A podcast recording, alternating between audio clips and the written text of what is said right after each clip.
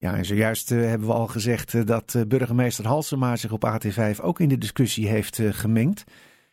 mevrouw mm -hmm. u bent er nog? ja, precies. Ja, ik ben er. Ik ben er. U, u, bent klaar voor haar, voor haar quote? zeker, laat maar horen. Oké. Okay. Dus de gedachte dat sekswerk, zeker in een gebouw waar eigenlijk alleen maar mensen naar binnen gaan, die daar ook iets te zoeken hebben, voor veel overlast zouden, zou zorgen, die um, zorg heb ik minder.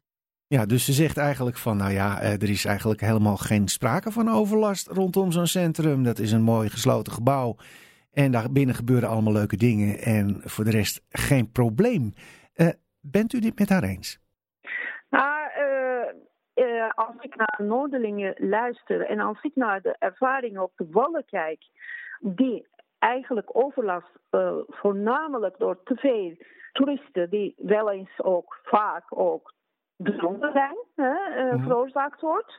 Maar uh, wat sekswerkers aantrekkelijk maakt, in ieder geval in de ogen van de toeristen of mensen die dat graag willen zien.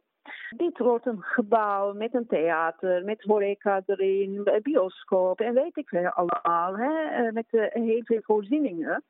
Uh, dan blijf je nog steeds mensen houden die naar binnen willen gaan en willen zien hoe zoiets eruit ziet. Mm -hmm. uh, uh, dus dat aantrekkingskracht, dat zwak je niet af hiermee. Ja.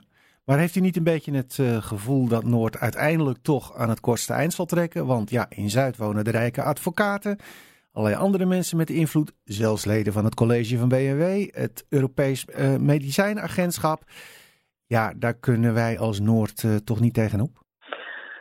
Nou ja, het, het gaat erom, uh, denk ik, uh, als ik kijk naar hoe deze locaties eruit zijn gerold, kijk naar de onderzoeken, hè, haalbaarheidsonderzoeken, dan missen we wat Noord betreft heel veel dingen. Bijvoorbeeld dat wij in Noord heel veel kwetsbare jongeren hebben. Mm-hmm. Wij in Noord niet goed bereikbaar zijn, zeker deze locatie. Bereikbaarheid is echt een issue daar. Uh, dus de, uh, je moet het ook van de argumenten hebben. Je kan natuurlijk heel goed lobbyen. Ik weet dat, dat Zuid daarin heel erg sterk is. En dat ze ook ondersteund worden door organisaties, door bewoners die zich kunnen permitteren. maar aan de andere kant, Noord heeft ook hele zware argumenten dat wij dit als Noord niet kunnen hebben. En daar zullen uiteindelijk uh, ook de projectontwikkelaars naar kijken. Die gaan natuurlijk dat gebouw neerzetten. Die moet natuurlijk ook zijn geld eruit kunnen halen.